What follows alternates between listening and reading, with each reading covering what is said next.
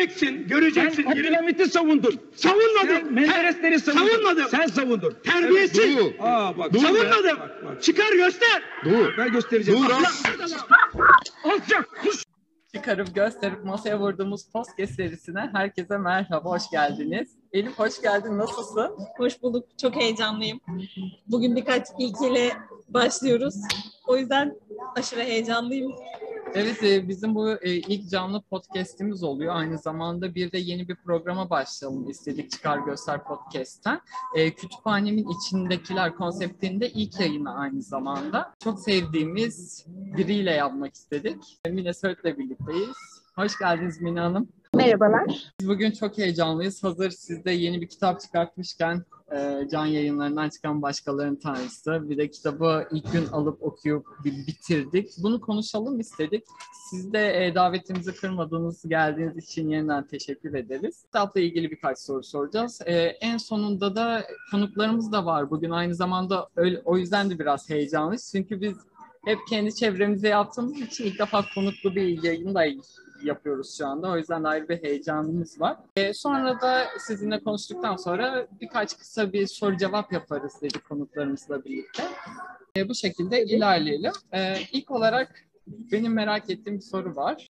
Son olarak 2010 yılında bir roman çıkardınız. Madame Arthur ve e, Hakkındaki Her Şey isimli. E, bunun dışında iki bir öykü kitabınız geldi. Deli Kadın Hikayeleri ve Gergedan Büyük kitabı. kitabı. Ardından da bir deneme kitabı Alayına İsyan çıktı. Fakat 12 yıl aradan sonra çıkardığınız ilk roman niteliğini taşıyor Başkalarının Tanrısı. Evet. E, bu 12 yıllık aradan sonra bir roman çıkarttırmak size nasıl hissettirdi? Ya aslında bu 12 yıl içinde ben e, evet hiç romanın basılmadı dediğiniz gibi iki hikaye kitabı ve bir deneme kitabı e, çıktı ama aslında ben devamlı roman yazdım ama içime sinmedi romanlar. Yazdım yazdım attım. Yani Deli Kadın hikayelerinden önce de vazgeçtiğim bir roman var. Sonra o roman tekrar üzerinde çalıştım ama yapamadığımı görünce Gergedan'ı yaptım. Ee, o yüzden o iki hikaye kitabı aslında roman yazamadığım için yazıldı diyeceğim. Ee, çünkü o dönem çok hikaye yazıyordum. Ve yani bende şöyle bir şey var. Ee, bir şey yapamadığım zaman üzerine gitmiyorum. Ee, ısrarcı, iddialı hiç değilim. Yapamadığımı hissettiğim anda elimden atıyorum. Bu bana daha iyi geliyor. Ama biraz da beni e, yavaşlatıyor olabilir bazı konularda emin değilim. E, velhasıl e, yani roman yazmadım değil. Roman yazdım. O yazdıklarımı sevmedim. Attım, böldüm, çoğalttım, azalttım. Ee, işte şu son birkaç yıldır tekrar romana yoğunlaştım. Gene olmayabilirdi. Buna hazırlıklıydım. Ama başkalarının tanrısını sevdim. O yüzden başkalarının tanrısını yazabildim. Attığım onca romandan sonra çöpe attım.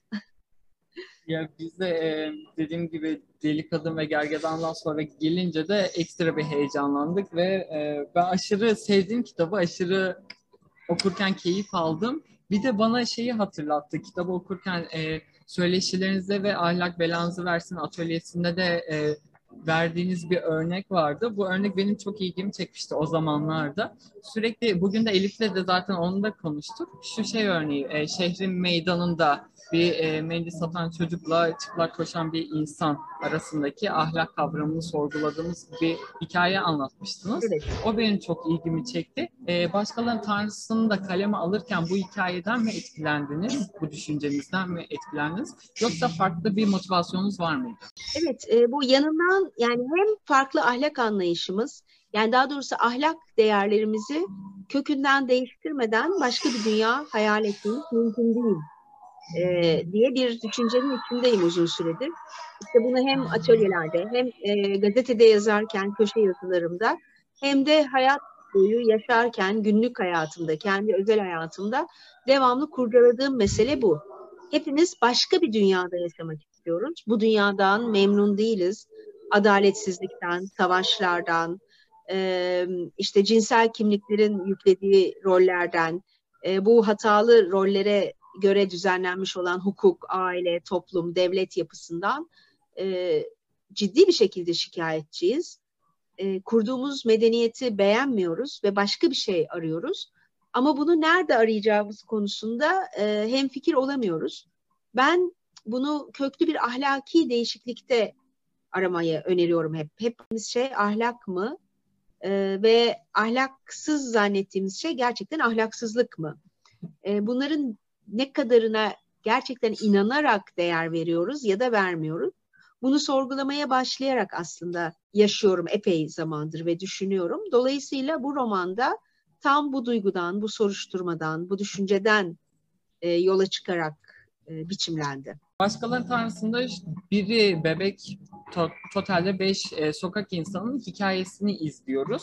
E, bu hikayeyi izlerken de e, dediğiniz gibi az önce hayat, din, sistem, cinsel kimlik tarzındaki birçok yani Türkiye'de şu anda e, konuşma neredeyse sakıncalı ve e, yer yerde e, cezalandırıldığı konulara bir bakış açısı sergiliyoruz. E, bu bakış açısını, bu sorgulamayı yaparken de peki e, ne kadar bunu sağlıklı bir şekilde yapabiliyoruz? Bunu araştırıyorum. Yani bir sağlıklı nedir, doğru nedir, e, gerçek nedir, iyi nedir? Bunlara e, karar vermekte çok zorlandığımız bir çağda yaşıyoruz bence. İşte iyi, doğruyu e, ne kadar başardığımızı, ne kadar doğru yerde sorularımızın cevabını aradığımızı hep kurcalamak zorundayız diye düşünüyorum. Bu birazcık hayata, değerlerimize, inançlarımıza, sisteme ve kendimize yani hem bizim dışımızdaki dünyaya ve sisteme hem de asıl kendimize, kendi içimizdeki e, o tabulara, inançlara e, şüpheli bakmayı öneriyorum hep. Zaten şüpheyle bakmaya başladığınız anda sorular denizinde kayboluyorsunuz. O sorularda çok kıymetli şeyler. E, şüpheyi önerdiğim bir kitap bu da. Yani tıpkı hayatta tüm yazılarımda ve biraz önce dediğim gibi günlük hayatımda da önerdiğim gibi şüphe etmeyi öneriyorum hep. O yüzden bilemiyorum ne kadar doğru ne kadar yanlış ama bu soruyu sormak bence bir şeylerin başlangıcı için önemli. Dediğiniz gibi ben de katılıyorum bu duruma çünkü e, ne kadar ya, durduğumuz yerde bir şey yapamayız. Bir şeyi sürekli ya sorgulayacağız ya bunun üzerine gideceğiz. E, aynı şekilde e, şairin de Musa'nın da gittiği gibi korkuların üzerine gitmek, e, o evi terk etmek, o evden dışarı çıkıp yeni bir e, hayata adım atmak gibi e, aslında cesaretin e, kork- korkunun üstesinden gelip e, cesaretin de ön plana çıkarsak e, belki de birçok şeyi değiştirebiliriz. Ya bu ülke içinde şu anda da en önemli olan şey belki de birazcık cesaretlenmek diyebilir miyiz?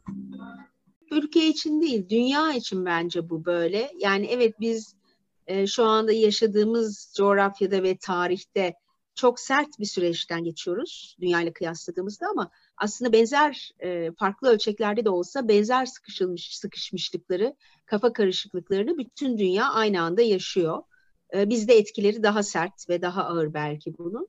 E, o yüzden bütün dünyanın dönüp kendisine ben ne yapıyorum, biz ne yapıyoruz, bu sistem nedir, gerçekten bunu mu istiyoruz diye e, sorması için yeterince kötü tecrübe yaşamış bir e, sicili var. Yani sadece bu ülkenin değil, tüm dünyanın, insanlığın. E, biraz bu noktada öz eleştiri ve farkındalık noktasında bir fırsat olduğunu düşünüyorum bu çağın. Çünkü böyle gidersek kendimizi sorgulayacak kadar nefes alabileceğimiz bir hayat bile olmayacak gibi görünüyor. İşte doğa felaketleri, e, bizim enerjileri çok kötü kullanmamız, kirli enerjiler tüketmemiz, e, genel tüketim alışkanlıklarımız, yani yaşadığımız toprağı, suyu, havayı e, bu kadar cahilce, bu kadar hoyratça kullanıyor olmamız belki de e, çok yakın bir çağda şu anda sorduğumuz bu soruların bile lüks kalacağı, hani hayatta kalmak için daha vahşi bir düzenin içinde var olmak zorunda kalacağımız e, bir sürece doğru giderken şu aralıkta durup bunları sormak ve hala e, bir son çıkış bulmak umudumuz varsa eğer buradan başlayabiliriz diyorum. Sert, gerçekçi ve tabu yıkıcı bir yüzleşmeden. Şimdi e, hikaye gidişatında beş sokak insanımız var. Bu sokak insanlarını e, kitapta da bahsettiğimiz gibi sürekli yanından geçip gidiyoruz ve hiçbirini görmüyoruz. Aslında görmezden de geliyoruz. E, bu durumu e, oldukça e, güzel bir şekilde yüzümüze çarpmışsınız kitapta. Bu benim çok hoşuma gitti. Aynı şekilde Elif'in de gitti. E, sabahtan beri bu konuyu konuşuyorduk. Elif'in de bu konuyla ilgili birkaç sorusu olacak. Ben şimdi topu birazcık ona paslıyorum. evet Elif sendeyiz. Merhaba Elif. Merhabalar. Hanım. Sonundan başlamam, bu soruyu sormam ne kadar doğru bilmiyorum ama kitabın sonuyla ilgili bir sorun var. Tamamını çok sevmeme rağmen birazcık beklentimin dışında oldu. Ee, böyle bir sonunu tercih etmenizin sebebi nedir? Ama şöyle yani ben e, bütün romanlarda aslında bu bir sürpriz de değil. Genel olarak yazdığım bütün metinlerin, bütün romanların hatta kısa hikayelerimin bile e, sonlarını hep açık bırakırım. Hep yoruma açık bırakırım ve isterim ki okuyan o noktadan sonra bir düşünmeye başlasın. Yani bir cevap vermek, bir final yazmak benim sevdiğim bir şey değil. Her şey havada belirsiz ve birazcık kafa karıştırıcı kalsın isterim. E, o yüzden e, burada da amaç bu kahramanlarımızın sonunda başına ne geldiği değil. Biz bu kahramanların yarı gerçek, yarı yalan, tabii ki külliyen aslında yazarın hayali olan o hayatına baktığımızda ne düşündük, ne aynaladık, ne gördük o aynada, e, bize ne yansıdı oradan ve roman bittikten sonra biz neler düşündük, kafamıza neler takıldı. Benim ilgilendiğim mesele daha çok bu. O yüzden bir final yapmayı sevmem ya da finallerde daha e, net bir şey söylemeyi de sevmem. Aslında buradaki o belirsizlik, karmaşa ve o kaotik, o döngüsel e, tuhaflık daha serbest bırakmak için tercih ettiğim bir yol. Yani asıl bence roman kitabın kapağı kapatıldıktan sonra başlıyor. Yani okur düşünmeye başladığı anda. Ve her okurda da her zaman söylerim başka bir şeye evriliyor, başka hisler uyandırıyor. O yüzden o benim bilinçli yaptığım bir şey. E, evet hoşa da gitmeyebilir. Çünkü bu da bir okurun e, beklentisi, tercihi ve e, bakış açısıyla ilgili bir şey. Tabii böyle bir deneysel bir şey yaptığınızda bunu göze alıyorsunuz. E, ama dediğim gibi yani bilinçli ve birazcık e, okur fikrini serbest bırakmak için yaptığım bir sonu. Tüm diğer kitaplarımda olduğu gibi. Ee, Eyvah evet. sesiniz gitti.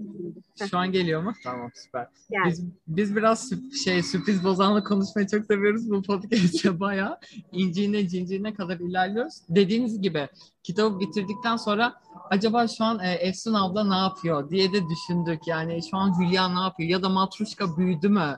Matruşka büyürse ne olur? Hatta Matruşka özel bir roman gelir mi falan diye biz bayağı e, üzerine konuştuk böyle.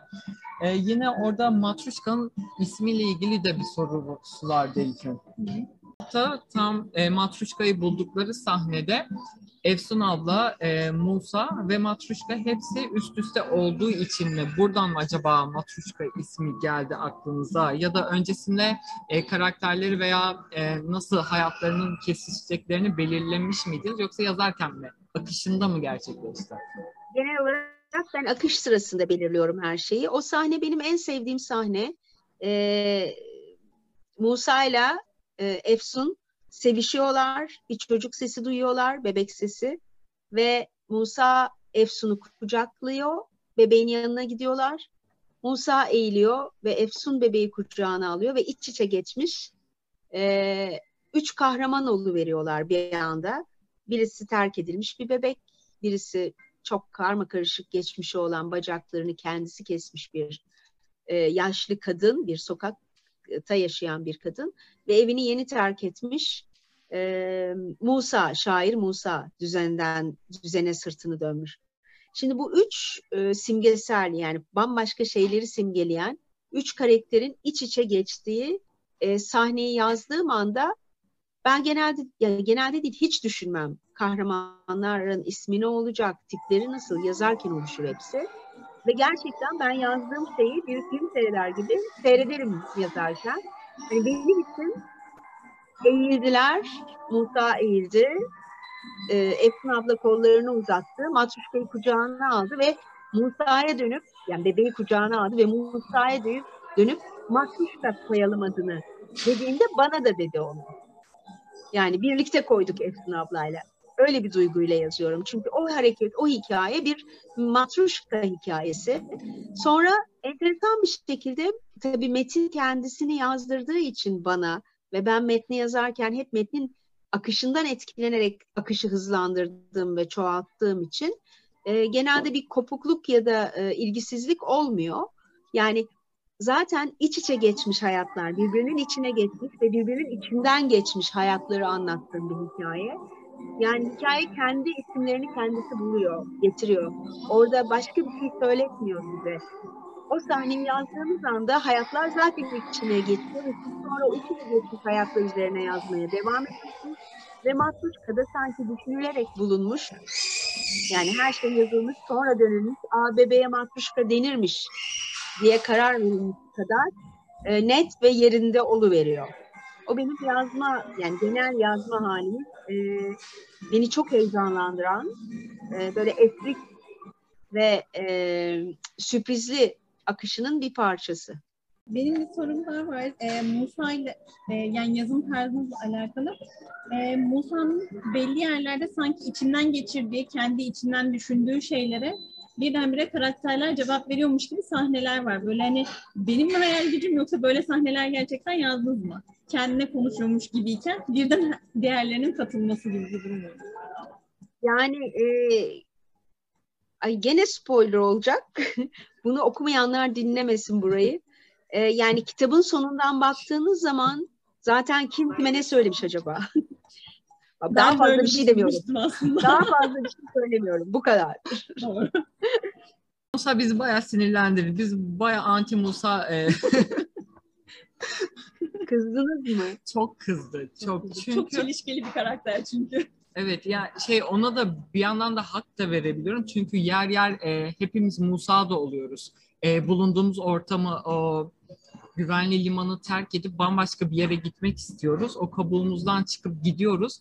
E, fakat biz en de sonunda o kabuğumuza geri dönüyoruz ne yazık ki. Ama Musa bunu yapmıyor. Fakat bu sefer de e, şöyle bir motivasyonu var. Gittiği yeri bir e, kabuk yapmaya çalışıyor. Bir evleştirmeye çalışıyor. Ya bu da beni e, aşırı sinirlendiren Elif'le yani sanırım tek şey olduğumuz, meç olduğumuz konu bu oldu. Musa karakteri üzerinden. Çünkü evi terk ediyor. e, sokaklarda yaşamaya başlıyor. Orada kendine yeni bir aile kuruyor. E, Beş sokak insanı, Adnan abi, Efsun abla, Matruşka, Hülya karakteriyle birlikte. E, fakat burada da bir e, aile ortamı kurmak istiyor ve bunun için çabalıyor. Ya peki bu e, yani ikiyüzlülük değil ama nedir? Yani tam olarak Neden bu kadar çelişkili bir karakter? başladığı noktaya geri dönüyor gibi. Şöyle düşünün. E, komün kuruyoruz. Alternatif bir hayat. İşte hele sizin nesilde çok da var artık. E, bu tür tecrübeler yaşayan arkadaşlarınızın hikayelerini duyuyorsunuzdur. Bu eskiden de böyleydi. 68'lerde de böyleydi.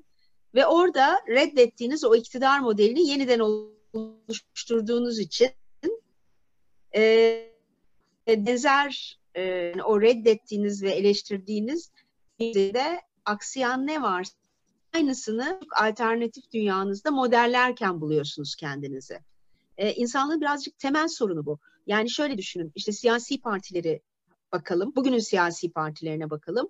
Karşı çıktığımız ve doğru bulmadığımız o modeli iktidarı yeniden alabilmek için tekrarlayıp e, ona öykünerek benzer bir e, yapı oluşturuyoruz ki kabul ediyoruz başarı sadece bu bizim devirmek istediğimiz yöntemle elde edilir. Şimdi bu paradoksun içinde insan binlerce yıldır, yeni de bir şey değil bu. Medeniyetin başından beri hep farklı bir şey yapmayan, devrim yapmaya çalışıyor ama devrim kendi faşizmini oluşturuyor. Çünkü yeni bir iktidar modeli oluşturuyor ve iktidarsız bir arada yaşamanın, iktidar olmadan da insanın var olabileceğinin hayalini bile kuramıyor e, para olmadan ya da kapitalizmin kurallarına uymadan ya, düşünün bir e, sosyalizm hayal ediyoruz. E, bir komünizm hayal ediyoruz. Ama gene bunu e, çalışmak, üretmek ve tüketmek e, ve kazanılan parayı nasıl paylaşacağımız üzerinden hayal ediyoruz. Oysa para soyut bir kavramdır, soyut bir değerdir ve çok tehlikeli bir değerdir. Yani inanç gibi çok tehlikeli bir değerdir, soyut bir değerdir biz e, kendi soyut dünyamızdan oluşturduğumuz inancı nasıl kendimize bir silah olarak çevirebildiysek e, ekonomiyi de böyle yani para kavramını da tıpkı o önce mükemmelmiş gibi yarattığımız tanrı fikrini korkunç bir şeye çevirdiğimiz gibi e, işte paylaşım, hak, kazanç bölüşme fikrini de birbirini ezme, e, sınıfsal tahakküm ve adaletsiz paylaşım üzerinden modelliyoruz devamlı. E, e şimdi bunların kökten de o yüzden hep başka bir ahlak arayışı dediğim bu. Yani e, bizim iktidarı, e, gerçek kazancı, gerçek doğruyu ve gerçek iyiyi ve insanın bu dünyada aslında ne istediğini doğru bir yerden tarif ettiğimiz ve içinde eski değerleri, mevcut değerleri, mevcut kuralları barındırmayan bir dünya hayal edecek kadar özgürleşen fikirlere ihtiyacımız var. Biz fikirlerimiz özgürleşmedikçe ve bir cesaret hissetmedikçe her şeyi yıkıp yerine de yenisini kurmamak üzere bir cesareti içimizde yaşatamadıkça denediğimiz her yol işte haklı olarak Musa'ya çok kızdığınız e, o yola benziyor. Birazcık e, onun eğritilemesi Musa'nın hayatı. Ve biraz dedin ya biz bazen de kendimiz de öyleyiz. Bazen değil biz külliyen öyleyiz. Yani ben şahane e, işte bir takım anarşist fikirleri savunabildiğim cümleler kurabiliyorum. Bir anarşizm sempatizanıyım ama cebimde kredi kartım var. E, cebinizde kredi kartı varken anarşist olamazsınız. E, bunun gibi aslında birçok şeyi gerçekten yani dile getirdiğiniz, ifade ettiğiniz ve savunduğunuz birçok değeri savunmak için önce o değere gerçekten hizmet eden öz değerlerinize bakmanız lazım. Buna bir bakıyoruz hepimiz. Bizim öz değerlerimiz o savunduğumuz ana fikrin sabote eden tehlikeli noktada duruyor hep. Ee, onları değiştirmeye cesaretimiz, gücümüz, aklımız hmm, ya da deneyimlerimiz yetmiyor. Ama bununla da yüzleşmiyoruz. İşte bu bizi çıkışsızlığa ve tekrar tekrar birbirini yenileyen, birbirini arttırarak her dönemde, her coğrafyada farklı farklı şekillerde de olsa tekrarlanan o e, varoluş, yani insanın ve sistemin varoluş sorununu ortaya çıkarıyor. O yüzden e, Musa'ya kızdıkta haklısın. Çünkü Musa karakteri biz bütün dünyaya, bütün insanlığa kızalım diye yaratılmış bir karakter. Ve tabii kendimize. Yani zaten şey e, empati kurma oranında en yüksek karakterlerden biri de Musa'ydı bizim için. O yüzden de dediğiniz gibi e, Musa'da kendimizi gördüğümüz için bu kadar kızıyoruz. Çünkü e, onun yapamadığını biz de yapamıyoruz çünkü. Yapmıyoruz. Çünkü e, sağlıklı evimizden çıkmak istemiyoruz.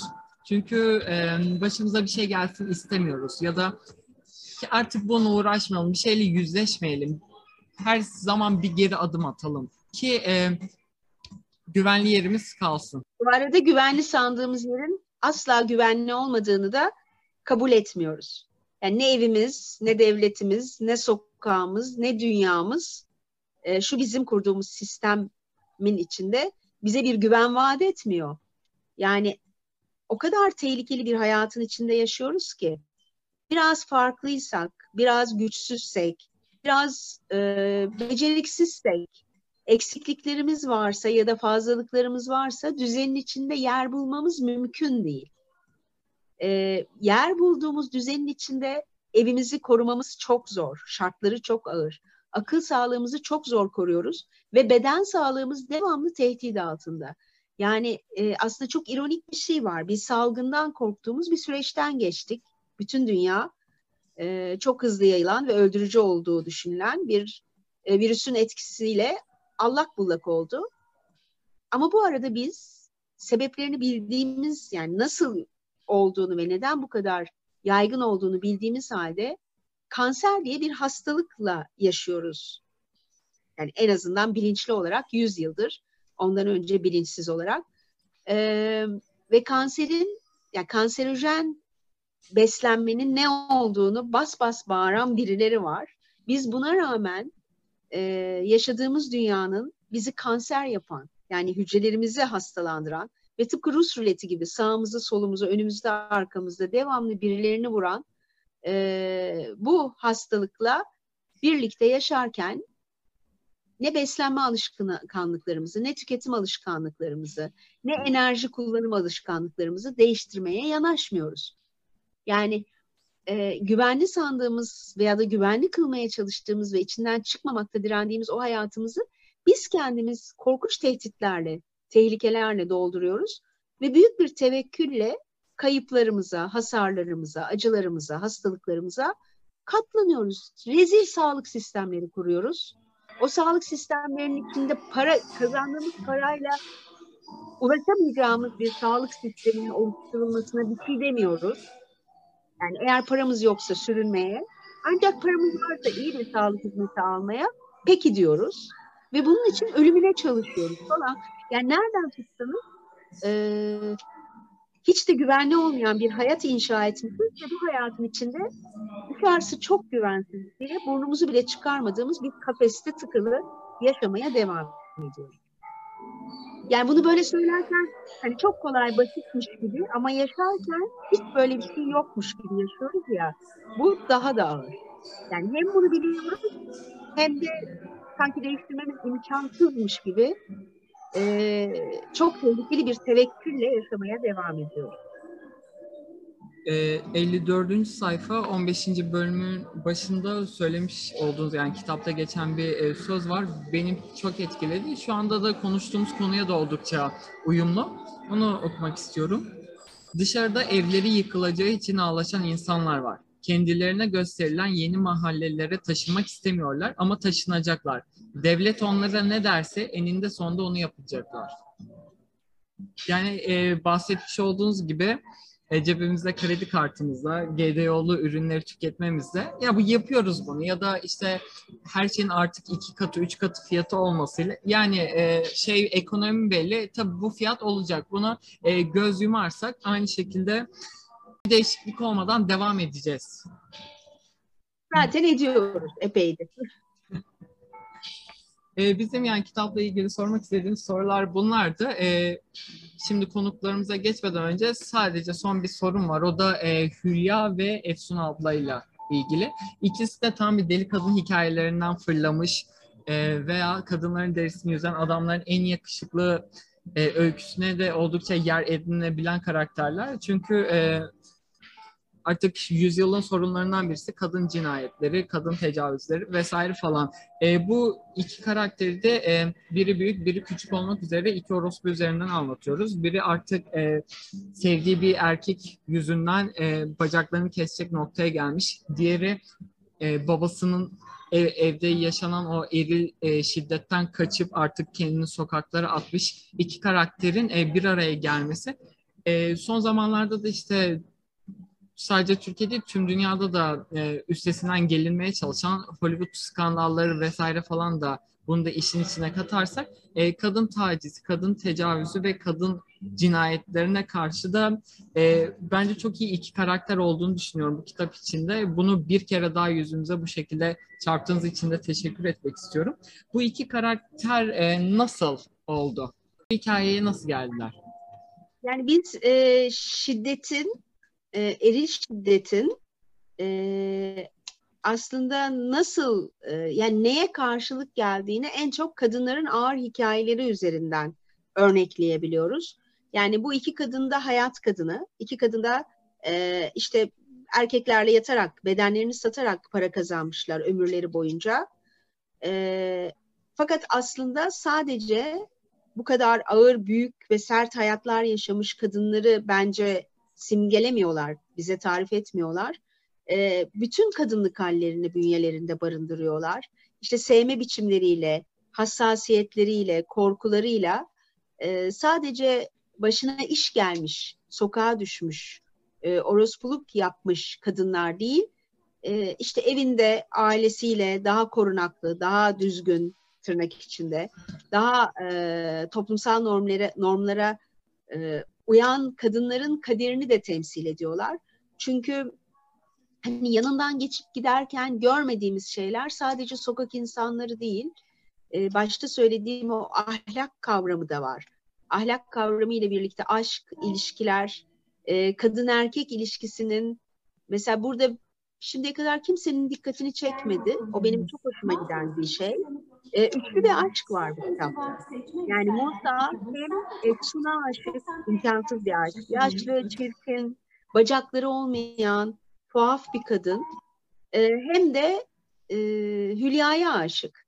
Şimdi kadın erkek ilişkisinde aşkı çok başka bir yerden tarif etmeye çalışan bir üçlü var burada.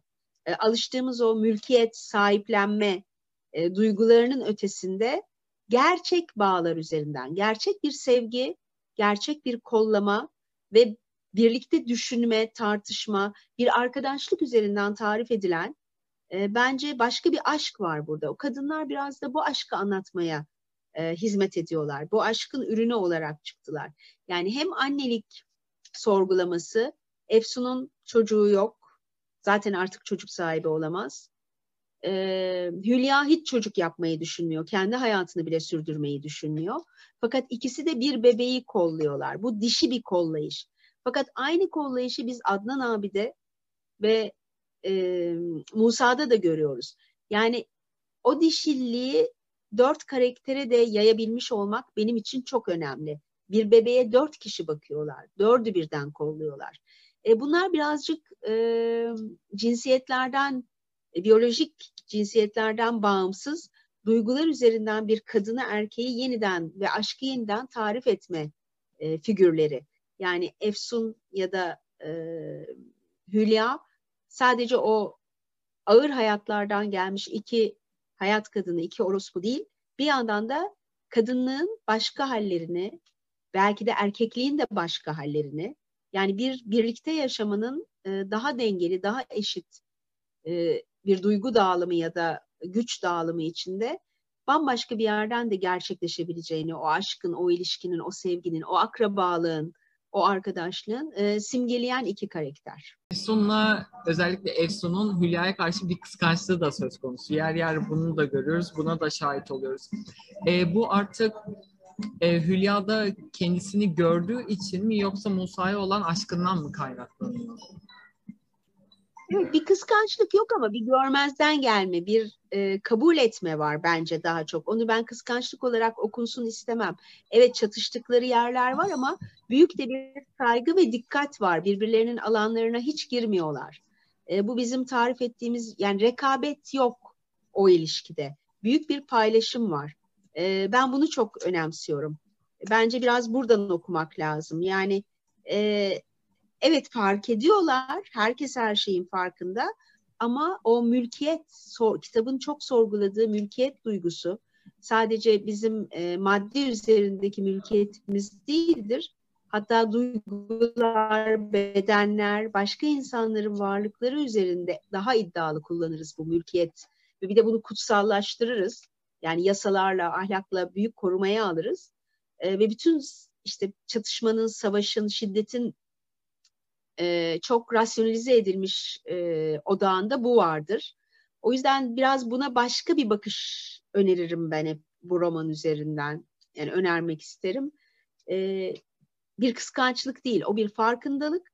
Ama sonra tavır olarak ve e, kabulleniş olarak e, büyük bir saygı bence ve alternatif bir mülkiyet önerisi.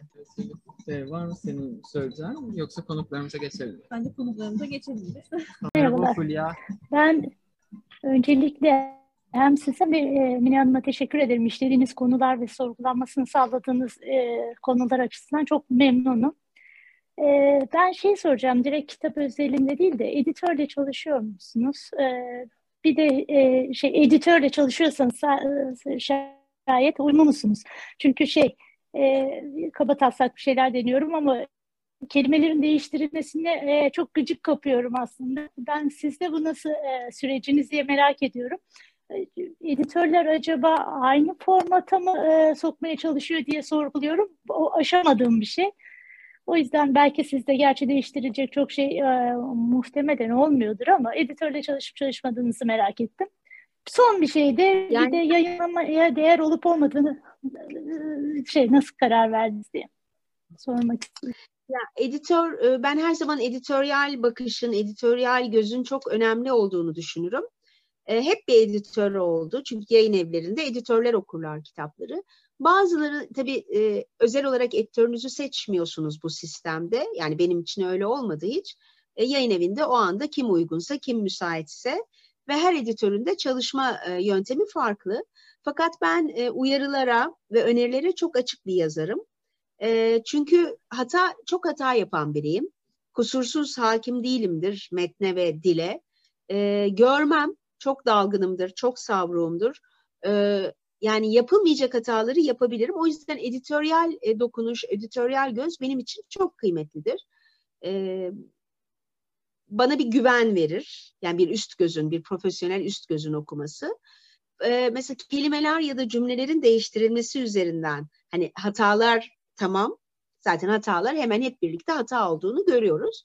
Fakat öneriler konusunda da çok rahat tartışırım. Eğer ikna edilebilirsem hemen değiştiririm. İkna edilemez, çabuk ikna olurum. Ama özellikle yaptığım, üzerinde durduğum ve önemsediğim bir mesele ise tabii ki taviz vermem. E, ama çok çatışmayız. Yani zor editörler için zor bir yazar olduğumu düşünmüyorum.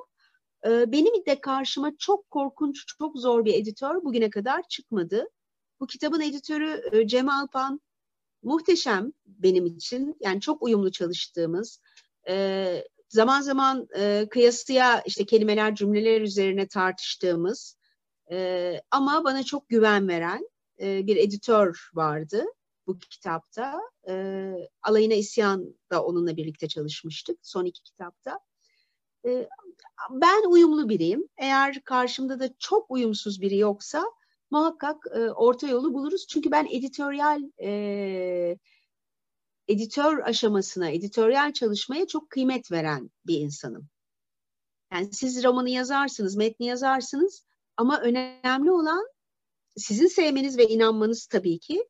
Fakat çok yanlış yerlerde ısrar ederseniz e, okura ulaşamayabilirsiniz. E, roman amacına ulaş, eğer çok iddialı özel bir şey yapmıyorsanız ve bunu deli gibi savunmuyorsanız e, önerileri açığımdır. Yani düşünürüm her zaman e, bakarım olabilir mi diye. Ve çoğu şeyde peki derim. Çünkü benim için onlar değildir önemli olan. Bambaşka şeylerdir. E, eğer karşı taraf yani bu profesyonel okumayı yapan kişi çok ciddi bir hassasiyetle bunu böyle yapalım diye önermişse benim için de o kadar önemli değilse eğer öyle ya da böyle olması genelde editörü kabul ederim. Öbür sorunuz neydi? Kitabın ne zaman bittiğini ne zaman anlıyoruz? Hiçbir zaman anlamıyoruz e, terk ediyoruz metni bir noktada. E, çünkü yani bugün otursam yeni baştan yazarım romanı, bütün romanları. e, sadece yani ben şöyle yapıyorum, itiraf edeyim. E, bir deadline'ım olsun istiyorum. Şu tarihe yetiştir dendiği noktadan sonra e, artık o tarihte ne haldeyse veriyorum. Yani gene toparlamış Anladım. oluyorum muhakkak ama Deseler ki bana bir ay daha var, ben bir ay daha hepsini değiştiririm. Kitap hiçbir zaman bitmiyor. Metin hiçbir zaman bitmiyor. Anladım, süpersiniz. Teşekkür ederiz vakit ben... ayırdığınız için. Sağ olun. Ee, Ezgi Berfin'in bir sorusu varmış. Hemen ona gönderiyorum size. E, merhabalar, hepinize iyi akşamlar. E, bu güzel etkinlik için teşekkür ederim. E, Mine Hanım'a da katıldığı için çok teşekkür ederim. Mine Hanım siz benim en sevdiğim yazarsınız. O yüzden tanıştığım için hani gerçekten ayrıca mutluyum açıkçası. Benim iki sorum olacaktı. Aslında ilk sorum cevabını aldım gibi e, ilk sorum sizin kendi e, hani yazım sürecinizle alakalıydı. Hani şeyden bahsettiniz. Ben kendimi daha çok metnin akışına bırakan bir yazarım diye bahsettiniz. Ben bunun cevabını biraz aldım gibi ama şunu merak ettim. Hani metnin akışına bıraktıktan sonra hiç dönüp o metni okuyor musunuz ya da e, evet burayı tekrar tekrar düzelteyim diye mesela e, ben e, o tarz hani amatörce uğraştığım zaman onu çok yaparım. Hatta o yüzden yazamam. 50 kere falan okurum. E, beğenmem, atarım bir kenara. E, ikinci sorumda Musa karakteriyle alakalı. Kitabı henüz okuma fırsatı bulamadım. Bu sebeple türü yapacağım yorum ne kadar sağlıklı olur e, bilemem. Ee, ama hani Musa'nın anladığım kadarıyla hani güvenli bir ev ve güvenli bir yer arayışı var ve bence bu çok aslında insani bir arayış. Hani ve pek çok insanda da bu arayışın olduğunu düşünüyorum ben. Hatta şu an e, var olan sistemden şikayet etmemizin büyük sebeplerinden bir tanesi de bence bu. Bu sebepten ötürü de yargılamamız ne kadar doğru e, bunu merak etmiştim. Teşekkür ederim. Rica ederim. Şimdi ilk sorunuzu önce cevaplayayım. Ee, ben esrik yazıyorum, savruk yazıyorum. Yazarken yolda oluşuyor olaylar ve karakterler ama e, bittikten sonra çok ciddi bir mühendislik dönemi var. Şimdi çoğu yazar belki bunu ya da bazı yazarlar bu mühendislik kısmını en baştan yaparlar. E, kurguyu işte oluştururlar, mekanları, olayların gidişini, finali, karakterleri giren çıkan, o karakterlerdeki dönüşümleri e, baştan bir matematikle kurarlar.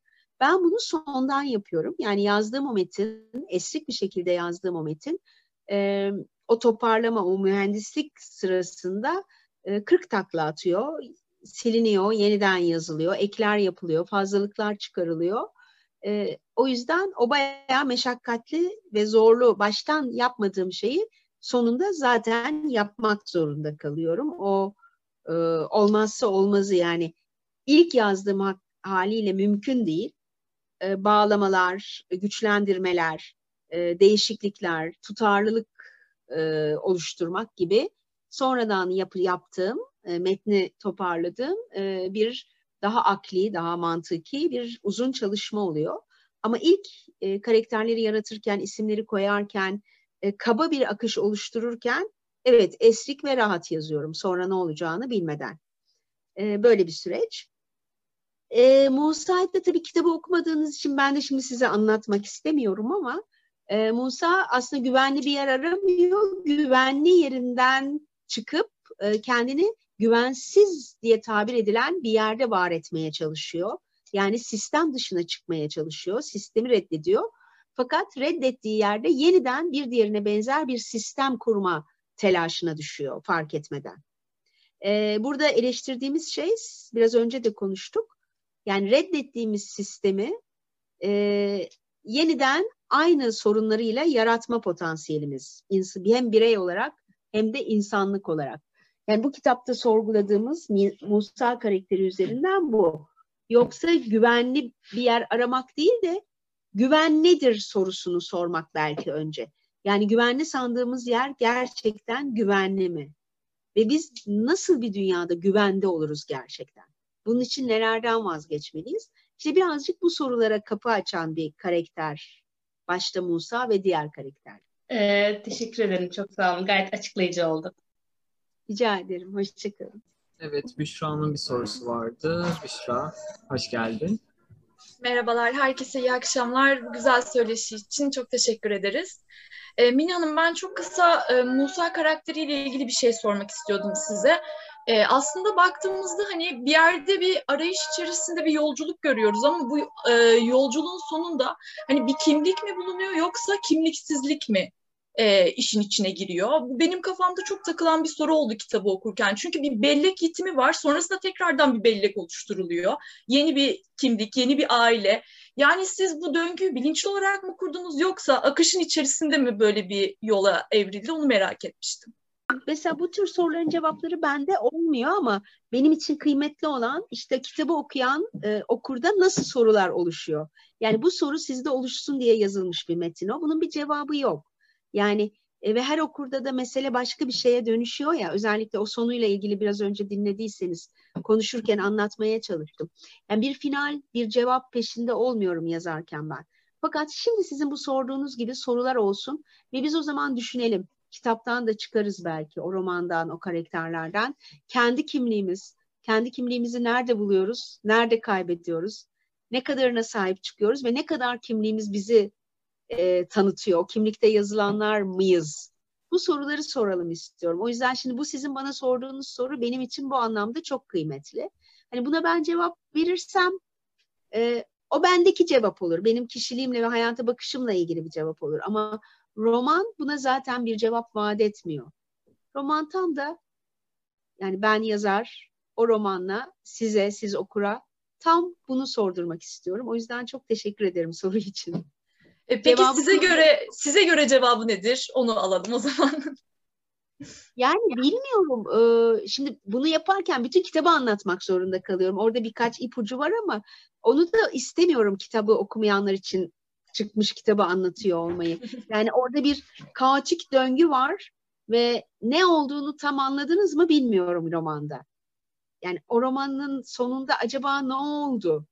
Onlar olmuş muydu, hiç olmamış mıydı, bir hayal miydi, gerçek miydi? Şimdi bu soruları nasıl sorup nasıl cevap verdiğinize göre kimlikle ilgili sonuca da varabiliyorsunuz. Aldım ben Ee, cevabımı. Yani, Yani, ben ona birazcık ucu daha açık çok ve her şey olabilir bıraktığım için. Bildim mi? evet çok teşekkürler. Teşekkür ederim. Ee, hemen Elif'in aklına bir soru geldi. Bunu konuşmuştuk. Sorup sormamak arasında muallakta kalmıştık. Ee, şey sormak istiyorum. Daha önce Madame Arthur Bey'de e, iki karakteri Deli Kadın'da görebilmiştik. Peki bu gördüğümüz kitaptaki karakterlerden herhangi birini başka bir kitapta görme ihtimalimiz var mı? Aslında ben bu karakterlere doyamadım. Yani e, bunu ara ara ben ben gerçekten doyamadım.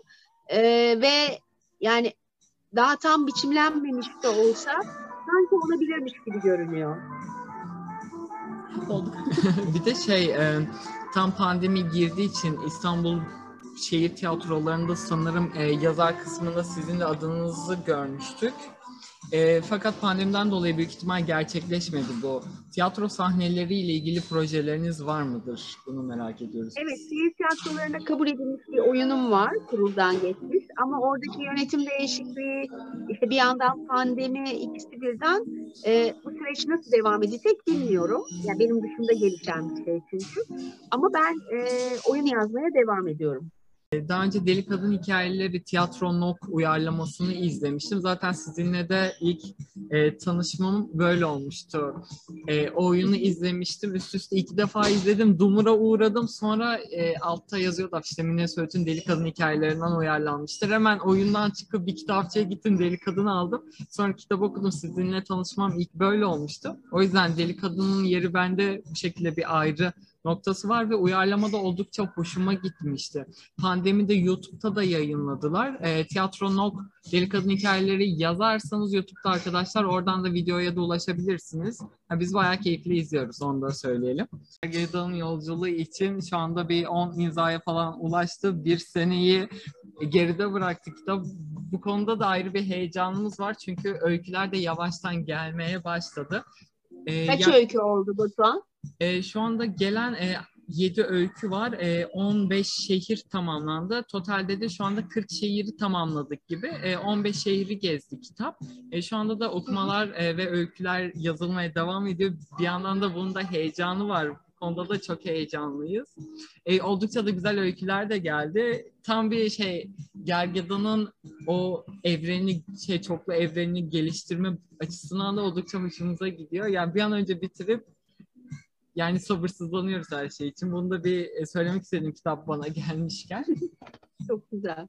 Bir de bir arkadaşımız butonu bulamadığı için soru soramamış. Hemen onun da sesini açıyorum. Ertuğrul. Şöyle öncelikle teşekkür etmek istiyorum bu güzel sohbet için. Ee, Batuhan, Elif bizi e, böyle bir etkinlikte buluşturduğunuz için. E, Mine Hanım beni e, sizinle buluşturan aslında tanıştıran kişi e, şey Batuhan'dır. Batuhan'a çok teşekkür ediyorum. E, benim aslında çok fazla e, nasıl söyleyeyim yazınsal metinlerle bir yani şeyim yoktur. Genelde görsel odaklı çalışıyorum. E, görsel üzerinden hayata dair fikirlerimi almaya çalışıyorum. Bu da genelde filmler oluyor. E, ben de bir sinemacıyım. E, filmler çekiyorum. E, ve sizin Gergedan romanınız beni çok etkiledi. E, bu bir şeyler üretme konusunda çok motive etti beni. Bu bağlamda birkaç soru sormak istiyorum. Çünkü Gergedan'ın e, biçimi biraz bana şey geldi. Hani sizin de az önce bahsettiğiniz gibi görsel düşüncenin çok ağır olduğu bir biçimdi ve çok şey yaptı. Garip hissettirdi beni. Görebildim. Yani yaz, yapmak istediğiniz şeyde e, bir görsel metin oluşturduğunuzu, sinemadan, e, dünya sinemasından da referanslar aldığınızı gördükten sonra e, şeyi sormak istedim ben. E, bir hikayenizde de aslında buna güzel bir şekilde şey yapmışsınız, isim vermişsiniz işte. E, Haneke, e, Pasolini ve Grineve ile birlikte e, yani şeyi e, neden etkileniyorsunuz? Hangi filmler sizi etkiledi? Veya bu üretim tarzınızda sinemanın yeri nedir? Bunu merak ediyorum açıkçası. Maalesef ben çok iyi bir sinema, bilinçli bir sinema izleyicisi değilim. Yani hani diyemem ki ben e, dünyayı sinemadan izliyorum. Hatta çok da kötüyüm. Ee, ne yönetmenleri doğru dürüst bilirim, ne e, işte akımları izlerim bilinçli olarak. Fakat e, yani edebiyatta da böyleyimdir aslında. O kadar kuramsal bilmem, anlamam sinemayı ve şeyi. E, ama sevdiğim bir dil var. E, yani bu dilin bir kısmını anlatabileceğim. Tabii bir sürü yönetmen var. Bunlar biraz da başka bir çağın isimleri. Şimdi yeni çağın yönetmenlerini tanımıyorum bile. E, ama gördüğüm zaman anlıyorum o dil. O dilin e, ilk kurucuları da işte e, yani Pasolini dili mesela o sert meselesi olan e, gene o kitapta yer almıyor ama Kieslowski'nin insana bakışı bu Haneke'ye de bağlanan bir bakıştır. Ama buna bir üçüncü isim söyleyemem. Yani o kadar hakim değilim dünyaya, e, sinema dünyasına. Ama e, beni o görsel dünyadan besleyen akıl, fikir genelde bu özellikle bu üç ismin e, ama içlerinde en çok Haneke'dir e, beni etkileyen. Ben e, bir Haneke filmi izliyormuşum gibi hissettim aslında biraz da. Çünkü, evet evet. Çünkü e, yani benim anlatmak istediğim dünya ve dilin karşılığını Haneke'de buldum ben. E, ama eminim bilmediğim ve bu bundan daha da farklı gene bana yakın başka diller de muhakkak var. Çünkü sinema muazzam bir dünya. E, ben oraya çok hakim değilim maalesef. Hakimlik konusunda bir şey diyemem ama genel olarak e, şeyinizi nasıl söyleyeyim üretim tarzında e, türler arasında geçişinizi çok beğendim. Yani siz bireysel hayatınız sinemayla çok e, ilişkili olmadığını söyleseniz bile büyük ihtimal bir sinmişlik var. E, yani hikayelere bir sinmişlik var. Bu bilinçli olmayan bir şeydir belki bilmiyorum ama e, e, o yerden çok bağlı açıkçası Gergedan. Diğer romanlarınızı okumaya daha fırsat olmadı. En yakın zamanda onları da okuyacağım. Sonraki sorum da aslında e, biraz yine bu bağlamda olacak bir soru. E, yani ülkede yani özellikle ülke sinemamızda bu tarz hikayeleri görmüyoruz biz. Yani genelde işte hani size yakın e, bizdeki demir kubuzu söyleyebilirim. Hani e, mesele olarak aynı olmasa bile biçim olarak aynı. E, yani çünkü e, hikayelerinizin sonları bir şeye bağlanmıyor, bir finale bağlanmıyor. Karakterler e, değişimlerini çok minimal ve içsel bir şekilde gerçekleştiriyor. Yani o sinemada gördüğüm bir şeydi bu. Siz e, özellikle bu hikayelerinizi bir filme uyarlamak istediniz mi? Veya işte uyarlanmasına ne kadar müsaade edebilirsiniz? Öyle bir soru sormak istiyorum. Evet yani benim yaptığım işlerin başka sanat disiplinlerinde üretim yapan insanları heyecanlandırması ve onların da kendilerini, kendi enerjilerini, yaratıcılıklarını benim metinlerimden yola çıkarak e, gerçekleştirme isteği çok kıymetli benim için. Çünkü böyle bir alışverişin e, kıymetini biliyorum ben. Böyle bir alışverişin ne anlama geldiğini hissedebiliyorum. E, birbirimizin yaptığı işler üzerinden kendi enerjilerimiz, dillerimiz yeniden kuruluyor. Ben de okuduğum, izlediğim birçok şeyden beslenip e, dilimi, aklımı, görgümü, hevesimi oluşturdum. Onun için bu tür şeylere her zaman açığım ben. Yani amatör ya da profesyonel. E, yeter ki birbirimizin dili üzerine yeni diller kuralım, düşünelim ve enerjilerimizi e, değerlendirelim. O yüzden e, hiçbir zaman kapalı değil benim kapım böyle şeylere. Sadece ben içinde yer almıyorum. Yani bir metin başka bir disiplinde oluşturulurken e, ben de o dönüşümü gerçekleştiren ekipte olamıyorum. Çünkü ben yazdığımı yazdım, bitti ve bu yazdığım bir başkasının elinde senaryolaşsın, bir başkasının gözünden aktarılsın, bir başkasının aklında çoğalsın. Onlara tamam. Ama ben kendi yazdığımı tekrar çoğaltayım, o ekibin içinde olayım heyecanı olmuyor bende. Anladım. Bir soru daha soracağım. Bu e, tamamıyla benim kendi çalışmamda yani özellikle Gergedan üzerinde e, ya Batuhanlarla birlikte yaptığımız bir e, yani daha doğrusu onların yürüttüğü projenin içerisinde ben de e, biçim olarak aslında bir film senaryosu olarak Gergedan'ın yolculuğuna bir e, katkı sağlamak istiyorum.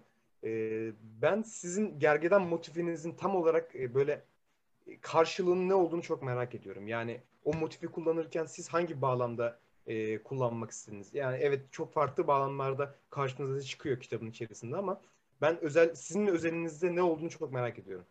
Aslında benim özelimde değil kitapta da var ama hemen anlaşılmıyor. Sanırım birazcık daha e, cımbızla bir okuma yapmak gerekiyor. Benim asıl anlatmak istediğim şeyin görülmesi için. Çünkü bu soru bana çok soruluyor. Oysa ben kitapta var bu diye düşünüyorum. Demek ki tam geçmiyor bazen. Ee, UNESCO'nun bir oyunu Gergedanlar biliyorsunuz. Ve son hikayede Gergedan'ın ne olduğu anlatılıyor. UNESCO'nun bıraktığı son bir kahraman var. Gergedanlaşmayı reddeden ve dünyada ne kadar kötü şey olursa olsun ben insan olarak kalacağım diye yemin eden bir karakter var. O karakter yeminini tutamıyor. Son hikayede anlıyoruz. Gergedanlaşıyor ve kendisine bu yükü veren yani insan olarak ka- bunca kötülük olurken sözde insanlığın temsil ettiği o iyi şeyleri korumaya söz veren bir kahraman olarak onu bırakan yazarını, yaratıcısını yok etmek için benim hikayelerin içinden geçiyor Hmm. ve yazarını öldürmeye geliyor. Yani bunda tabii şöyle bir şey var benim için, şöyle bir alegori var. Ben 68 doğumluyum ve hani güzel günler göreceğiz çocuklar diye büyüdüm ben. Ee, böyle bir dünyanın e, da geçti çocukluğum ve gençliğim. Ee, birbirimize çok şey vaat ettik. Ee, ve bu vaat ve umut üzerinden çok başka bir dünya hayal ediliyordu. Bunu gerçekleştirmediğimiz gibi bu birbirimize yüklediğimiz sorumluluğun hesabını da sormadık. Sanki böyle bir sorumluluğumuz yokmuş gibi asla güzel günler görmeyeceğimiz bir düzeni onaylayan e, bir nesil olduk. Ya bu bizim yani benim biraz büyüklerim, biraz küçüklerim, benim etrafımdaki birkaç nesilden bahsediyorum. E, biraz onun öfkesini açığa çıkarmak için yaratılmış bir karakter. Yani UNESCO bu karakteri yarattığında dünya faşizmin bir gün yok olacağına e, ve daha ed- adaletli, eşitlikçi, daha güzel bir dünya kurulacağına inanan insanlar vardı. Faşist bir dünyaydı. Yani İkinci Dünya Savaşı'nda korkunç şeyler yaşanıyordu. Fakat bunu korkunçluğunu gören ve bunun değişmesi gerektiğini ve değişebileceğine inanan e, insanlar vardı ki o karakteri yarattı UNESCO. Ama şimdi bugün içinde bulunduğumuz dünyada çok başka bir yerdeyiz. Biraz bunun öfkesi o gergedan.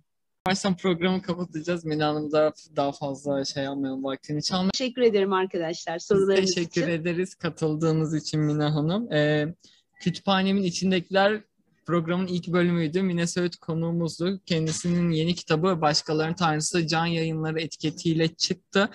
En yakın kitapçıda şu anda bulunduğum kitapçıda imzalı olarak da var. Vahşi hikayelerimize de yazılmış. Ee, alabilirsiniz. Okuyun. Okuduktan sonra da e, paylaşım yaparak bu şekilde kitabı e, çevrenize de önermiş olabilirsiniz. Biz heyecanla yeni bir kitap bekliyoruz şimdiden. Çünkü doyumsuz bir okuruz. Evet çok hızlı. Ben biraz dinleneyim muhakkak yazacağım herhalde, herhalde yazarım. Karakterlerinize doyamadık. Evet, bir 12 sene daha beklemeyiz diye düşünüyoruz. Valla 12 sene sonra iyice yaşlanmış olacağım. İnşallah beklemeyiz. İnşallah o zaman yeniden çok teşekkür ederiz. Teşekkür Görüşmek çok üzere. sağ olun. Hoşçakalın arkadaşlar. Göreceksin, göreceksin. Sen Abdülhamit'i savundun. Savunmadım. Sen Menderesleri savundun. Savunmadım. Sen savundun. Terbiyesiz. Aa bak. Savunmadım. Bak, bak. Çıkar göster. Ben göstereceğim. Dur. Bak,